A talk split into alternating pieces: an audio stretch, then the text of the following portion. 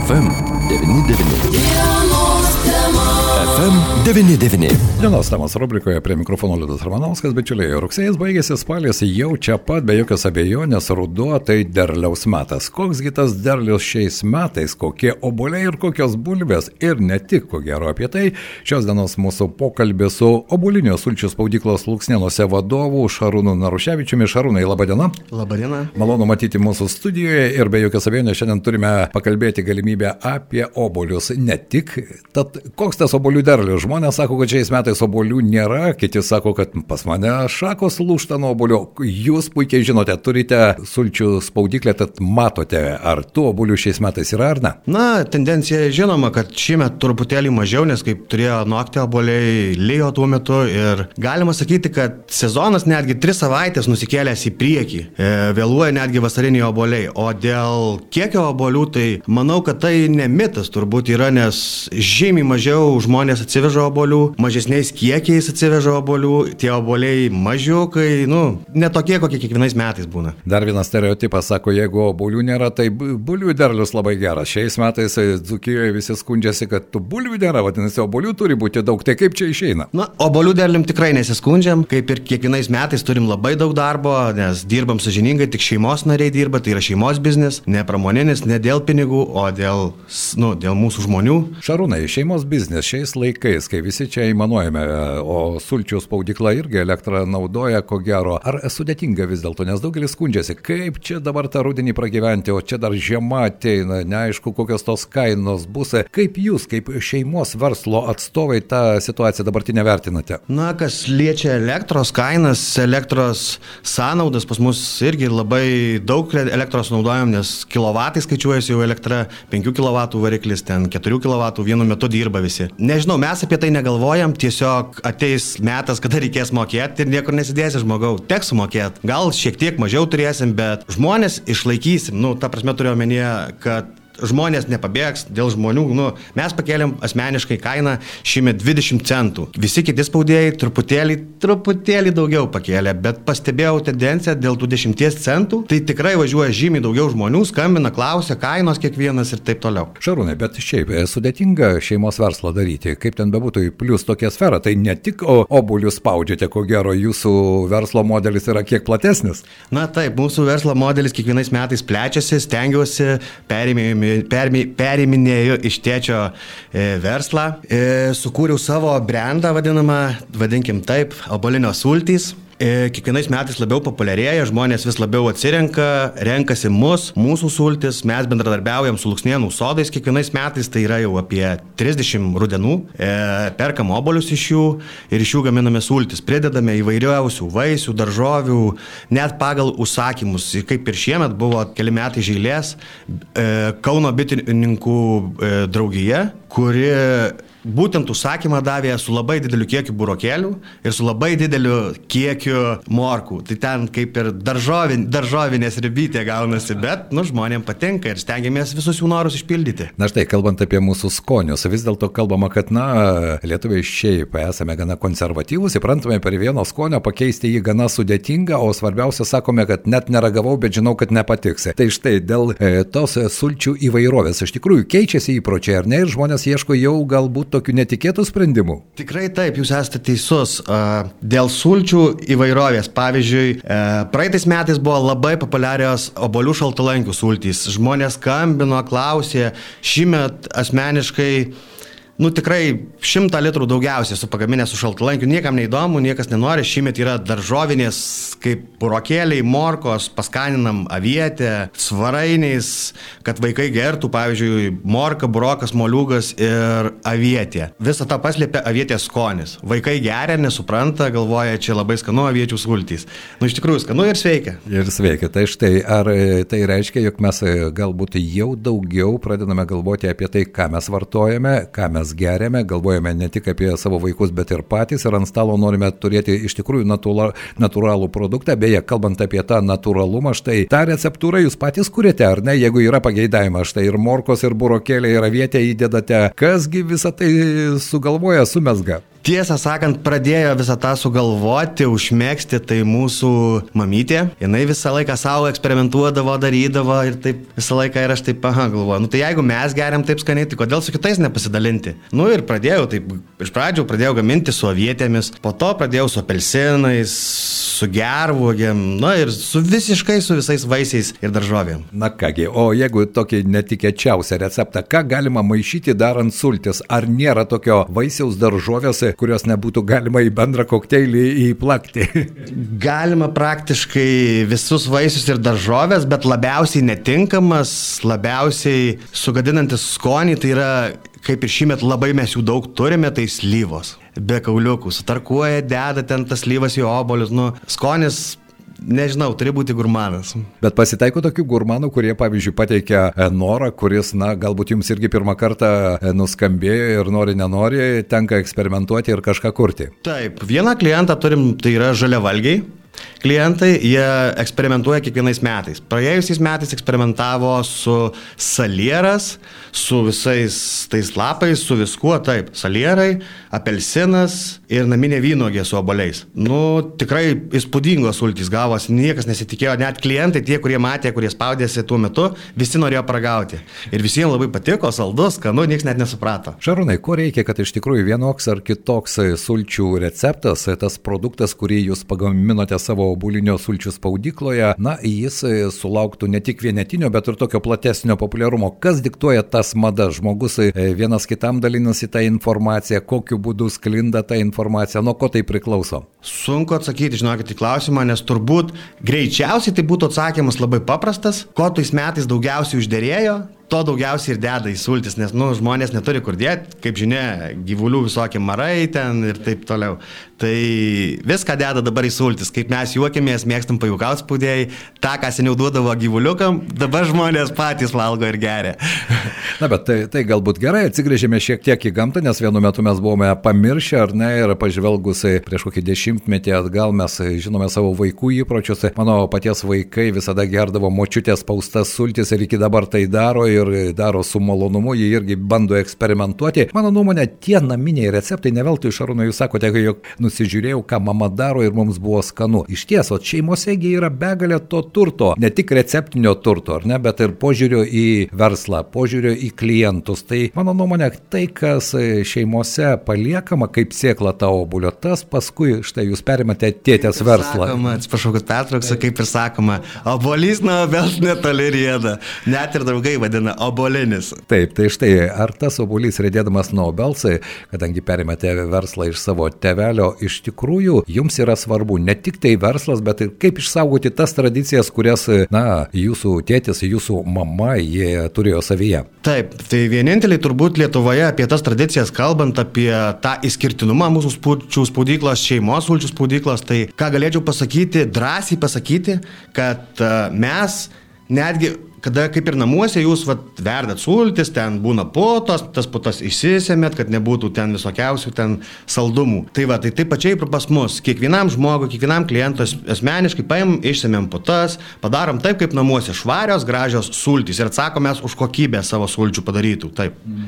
O niekas kitas Lietuvoje to nedaro. Niekas nėra galimybės pas kitus spaudėjus prieiti, nusemti. Ir... Vertybės irgi yra labai svarbios, ar ne? Ir požiūris į klientą irgi labai svarbu, norint, kad jis sugrįžtų grįžtų ir po metų. Tikrai taip, yra klientų, kur spaudžiasi ir 20, ir 25 metus ir grįžta po to jūs, jų vaikai, sako, va, čia tėtis spaudėsi, nu nežinom kur čia, tai važiuojam ir mes čia. Nu ir, nu, ir taip karta po kartos yra tikrai ne, ne viena karta, kur jau trečia karta netgi važiuoja spaustis su savo šeima, su savo vaikais. Šarūdai, vis dėlto jauni žmonės, ar ne, mes tą tendenciją jau keletą dešimtmečių matome, yra du keliai. Vienas kelias tai yra baigė mokyklą, kažką pasimoko, gal nepasimoko, ieško geresnio gyvenimo kur nors, nuo Švedijos Švedijos, Norvegijos, Airijos, nesvarbu kur, ne pasaulis dabar atviras yra. Kiti sako, jog vis dėlto vietos pasaulyje aš galiu surasti ir savo gimtinėje. Šarūnai, tu esi ko gero vienas iš tų, kuriam tas antras variantas yra artimesnis. Na taip, esu išmaišęs ir Anglijas, ir Švedijas, ir Norvegijas esu pabuvojęs,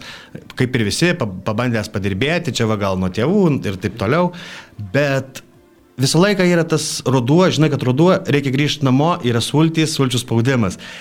A, todėl ir stengiuosi galbūt dėl žmonių, dėl žmonių gerovės, tų pačių bandau kurti ir Šarūno Naruševičiaus daržininkystės ūkį, kad pavyzdžiui atvažiavę žmogus pirkti tų sulčių, ten tų pačių morkų, moliūgų, burokėlių, svarainių, nežinau, būtų iš mūsų ūkio, kad aš galėčiau pasakyti, kad taip, tai čia yra be trašų, be jokių pridėtinių ar ten dar kažko, o vis tiek, kad ir pas ūkininkus, perki pažįstamus ūkininkus, nu tai nematai, ką jisai ten daro vakare už tą tvartuką prie tų markyčių, nu būkim realistai.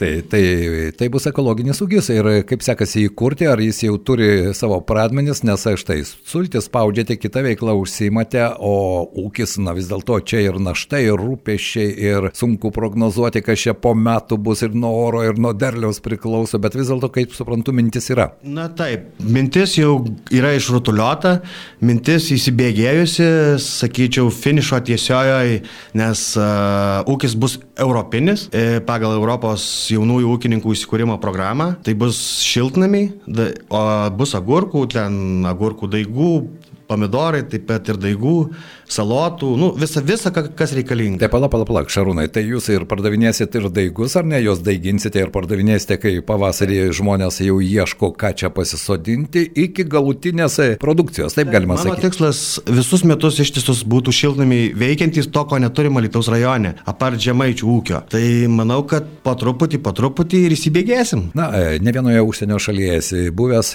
dirbęs, vis dėlto ar yra skirtumas tarp to santykio kliento, pirkėjo ir gamintojo. Na, jeigu kalbėti, pavyzdžiui, apie ūkio produkciją, ar ne, nes aš ne vieną kartą esu matęs įvairiose šalyse, pas draugus, pas pažįstamus, kai rytą, šeštadienio rytmetį jis atidaro duris, prie durų sudėta į gražią medinę dėžutę, visą tai, ką jis ten užsakė - oboliai, morkos, daržovės, vaisiai ir taip toliau. Ir ta tradicija yra, jis pažįsta tiekėją, tiekėjas žino savo klientą. Štai kokie modeliai galėtų būti patrauklus čia, pavyzdžiui, Dzukijoje?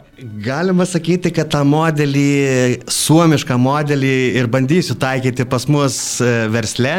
Tai bus prie šiltnamių pastatytas kioskelis, žmogus bet kuriuo paros metu, nors ir naktį, privažiuoti į tą kioskelį, pats pasisverti, padėti pinigėlius ir važiuoti namo. Nu, bus ir sulčių, bus ir daržovių, nu, viso ko. Sesės, vyro, tėvai gyvena Labanoro gėrio, medaus būna, atveža, nu, tiesiog žmogui visas pasirinkimas natūralaus produkto. To, ko neturim Lietuvoje, pietų Lietuvoje netgi, sakyčiau, tokio kiosko, kad suomiško principų privažiavai, nusipirkai, išvažiavai. O pasitikėjimas žmonėmis, ar paliks tos pinigėlius? E, čia jau žmonių mentalitetas, bet kiek pastebėjau, tendencija tikrai galima pasitikėti žmonėmis, nes būna nepaslaptis ir pas mus spaudykloje, jeigu pradžia sezono, pabaiga sezono, nu vis tiek dar kažkokius reikalus tvarkais, išvažiuoji į spaudyklas, palieki ir tas sultis tas pačias, parašai ten, kiek ten pinigėlių turi sumokėti. Žmogus tvarkingai padėjęs, kiekvienas ten prispaudęs akmenukų tuos pinigėlius, kad va, paskambina čia šį mes padėjom, palikom jums pinigėlius čia. Tai va tik tais, kad nu tikrai padėjom. Tai irgi yra svarbu. Aš galvoju, kad mes irgi keičiamės. Keičiasi mūsų įpročiai, keičiasi požiūris į tos žmonės, kurie mums tą produkciją tiekia. Sutikite su tuo, kad tam žinoma reikia laiko, bet mes keičiamės. Tikrai taip. A, apie tos produkcijos, kaip jūs sakote, tiekėjai priveža ten dėžutės, dar kažką. Taip pat ir pas mus naujovė, galbūt netgi savaitės bėgyje išridės autobusiukas į gatves su obolinio sultimis, kol kas, nes daržovių dar neturim, šiltnami dar nestovi, bet su sultim, su visom rūšim bus autobusiukas, visą laiką galėsi susistabdyti, galėsi paskambinti, kad privežti, tarkim, į vietą kažkur, tai prie durų, iki namų.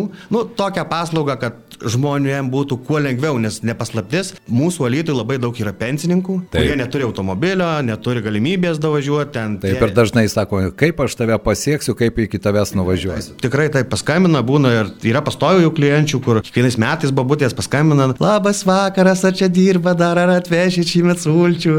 Nu, tokiam stiliui. Nu, visą laiką mes tengiamės su žmogum kaip su savo. Na, tai irgi labai svarbu yra. Na, o dabar grįžtant vis dėlto prie tų šiltnamių ir ūkio. Jeigu planuojate, pagrindai, Šarūnai sakote, jau yra, šiltnamiai dar nestovi, tai kada galėsime ragauti jūsų ekologiško europinio ūkio daržovių, tai planuojate? Aš manau, metų bėgėje turėtų stovėti šiltnamiai ir pradėti darbą. Galbūt, jeigu aplinkybės leis, galbūt pavasarį daigais pradėsime šį pavasarį daigais prekiauti. O po metų pusantrų dviejų jau, Jau tik... bus pilnai įsivažiavę viską ir visuomet bus. Bet modelis vis dėlto, kiek aš suprantu, man tai yra įdomu, kad e, tas daržovės būtų galima įsigyti visus metus, ar ne? Tikrai taip. Nu, nes nepaslaptis, ne kiekvienas nori nuvažiavęs į parduotuvę nusipirktų daržovių, ateini, agurkai ten apdžiūvę, nu nėra ką valgyti. Nu, čia visą laiką šviežias. Galbūt bus tokia net paslauga, kad uh, sezono metu, kada bus agurkai ar pomidorai, žmogus pats Nusiskina, šiltame taip. ateina, nusiskina, pasveriam. Nu, galbūt su vaikais bus kažkokia pramoga. Na taip, nes e, daugelis ko gero augančios kartos e, žino, kad pienas tai tik tai parduotuvė ar prekybos centre, ar ne, pomidorai irgi tik lentynose, o kaip visą ta, tas procesas vyksta, daugelis jau nebežino. E, Taip, na, bet girdėjau ir Vilniuje jau yra po truputėlį atsiranda, kur galima turėti savo daržą pa žmogų, atvažiuoja su vaikais ten, paravi, dar ten kažką, na, parodyti tą visą, prisiliesti prie žemelės, kaip sakoma, rankom paliesti žemelę. Aišku, tai turėti savo keletą lysvių pa žmogų, ar ne, ir Taip, jis, nu, tiesiog moka metinį turbūt, ar ten rudeninį mokesčiai, galima ir gyvūnėlius auginti, ten pas kitus girdėjau, esu taip girdėjęs. Na štai, tu iš tikrųjų idėjų atsiranda daug įvairių, kuo jų daugiau, tuo geriau, tuo didesnis yra pasirinkimas tau kaip žmogui vis dėlto. Tas darbas, tas verslo modelis ir tas perspektyvos matymas, kiek suprantu, jis viskas jau aišku, viskas sudėliota į lentynėlės, Šarūnas yra e, žmogus, kuris drąsiai gali pasakyti, aš pats savo gyvenimo kalvis. Tikrai taip, tikrai taip. Nesistengsi, neturėsi. Nelauki, kad kažkas ant padėkliuko atneštų geresnį gyvenimą, sotesnį, e, sotesnę duonos reikia dar susviesto. Paprastai ant tą padėkliuko paprašo, kad tu duotum. Na, kalbant iš tikrųjų apie gyvenimą kaime, ar ne, tu pats e, irgi gyveni Luksnienuose? Taip, aš esu ten ir augęs nuo mažens ir, pasisat, ir sodybą pasistačiau irgi Luksnienuose. Nu, man kaimas, ramybė, tas jausmas neinkilo, turbūt, ar kaip pavadinti, taip įsireiškus. Nu, kaimas yra kaimas, kaimas yra visų namai. Bet tas kaimas irgi kitoks, nes daugeliu kaimas atrodo, žinai, aplūžusios e, trobelės, neravėti daržai ir kokia nors močiutė, kuri vakare išeina ir vieniša žvelgia į kairę, į dešinę, kurgi tie žmonės. Dabar kaimas irgi gali būti kitoks. Tikrai taip, dabar kaimas labai pažengęs į priekį, nėra, dauguma nelaiko nei ten tų gyvulėlių kažkokių, kaimuose daugiau auga ten visokie raguočiai, kur ten labai jau dėl mėsytės jūs pardavinėja, nu, net, nu, daug pažįstamų e, iš tikrųjų. Tai štai apie tos pažįstamos. Ar yra vis dėlto jaunų žmonių, kurie kaip ir e, tu šarūnai pasiryšta, jog kodėlgi ne, savo rankomis aš galiu sukurti ir savo, ir savo šeimos gerovę, ir visą tai daryti kaimiškoje vietovėje, kas sultis spaudžia, kas jaučius augina, kas vaiskrūmiais dabar irgi banga ar ne, žmonės. Gel, taip, gelinkystės ūkiai. Paletė iš tikrųjų gali būti labai plati, ar ne? Na taip, bet kiek pastebėjau tendenciją, jeigu atsida, at, rajone kažkas atsidaro, kažkas naujo, tai daugumoje tai būna ES lėšomis, kad a, įsisavinti, nes, kaip žinia, žmogui iš savo lėšų susitaupyti, kad tu atsidarytum verslą kažkokį, neturėdamas iš šono, tarkim, kažkokio verslo ar darbo gero labai, net neįsivaizduoju, neįmanoma turbūt taip sukurti verslą. Bet e, tam reikia rašyti projektus, tam reikia dalyvauti konkursuose ar ne, laimėti tą finansavimą, visą tai kiek suprantu pavyksta. Na tikrai taip, jeigu tu stengiasi pats žmogus, tai mato ir dėl tavęs stengiasi ir kitas. Nes jeigu tu ateisi ir sakysi, aš noriu, nu tai gerai, valio, sveikinam, jūs norit. ne, tu turi daryti, rodyti iniciatyvą ir taip toliau. Nu, aš toks žmogus, aš pavyzdžiui, vienoje vietoje aš negaliu sėdėti. Man reikia judėti, daryti kažką, man patinka su žmonėm bendrauti. Nu čia turbūt nuo vaikystės ta gyslelė tokia, nu, ma, nežinau, nuo, nuo pirmos klasės tėvai spaudžia sultis, tai 30 metų. Tai galima sakyti, su sultimis užaugęs, sultis tave ir užaugino. Tikrai taip, tarp avolių. Obulinio sulčių spaudyklos Luksnienuose vadovas Šarūnas Naruševičius, kuris šiandien pažadėjo, kad, e, na, geriausiu atveju po pusantro, o galbūt dviejų metų mes turėsime čia pat šalia miesto ekologinį europinį ūkį, kuriame patys galėsime pasiskinti agurko ar pomidorų, ką gali žinoti. Na ir tokios kelio idėja irgi gana įdomi. Ir autobusiukas, pasirodo, jeigu pamatysite autobusiuką, ant jo bus parašyta obulinių sultis. Taip, abulinio sultys, stabdyk čia ir dabar, skambink ir visą laiką gausi. Šarūnai, jeigu būtų galima vienu sakiniu pasakyti ir pratesti mano sakinį, man patinka. Kas patinka Šarūnai? Obolių sultys ir abolinio sultys. Ačiū tau, kad apsilankėjai studijoje, paragausim tavo sulčių ir nebejoju, kad iš tikrųjų, kalbant apie artėjantį rudenį, žiemą, na kągi, sultis tai sveikata, ar ne, galima drąsiai sakyti. Tikrai taip, sultis tai yra vitaminų šaltinis, o pasterizuotos sultys jos mažai reagavę su deguonim, su viskuo, kaitinamos iki 80 laipsnių, nepraranda visų gerųjų bakterijų, bet girdėjau, žiūrėjau televizoriuje, buvo laida kažkokio daktaro, kad čia sultys blogai, čia rūkštys, vis saldumynai visokiausie. Nu, taip, čia dėl tų sulčių irgi. Kiekvienais metais kiekvienas profesorius skirtingai kalba. Na, žiūrint, kas užsako tą jo pakalbėjimą, bet Šarūnas matome jau, kaip jis sako, nuo vaikystės sultimis gyvas, ar ne, ir gyvas, sveikas, pilnas optimizmo. Visą laiką taip. Ačiū tau. Ačiū Jums už pokalbį. Dienos temoje viešėjo bulinio sulčių spaudyklos Luksninuose vadovas, jaunas ūkininkas, taip galima pavadinti, Šarūnas Naruševičius. Tad jeigu pamatysite obulinio sultis, stabdykite ir patys paragaukite, kokios kitos sultis. Radio stotis FM99.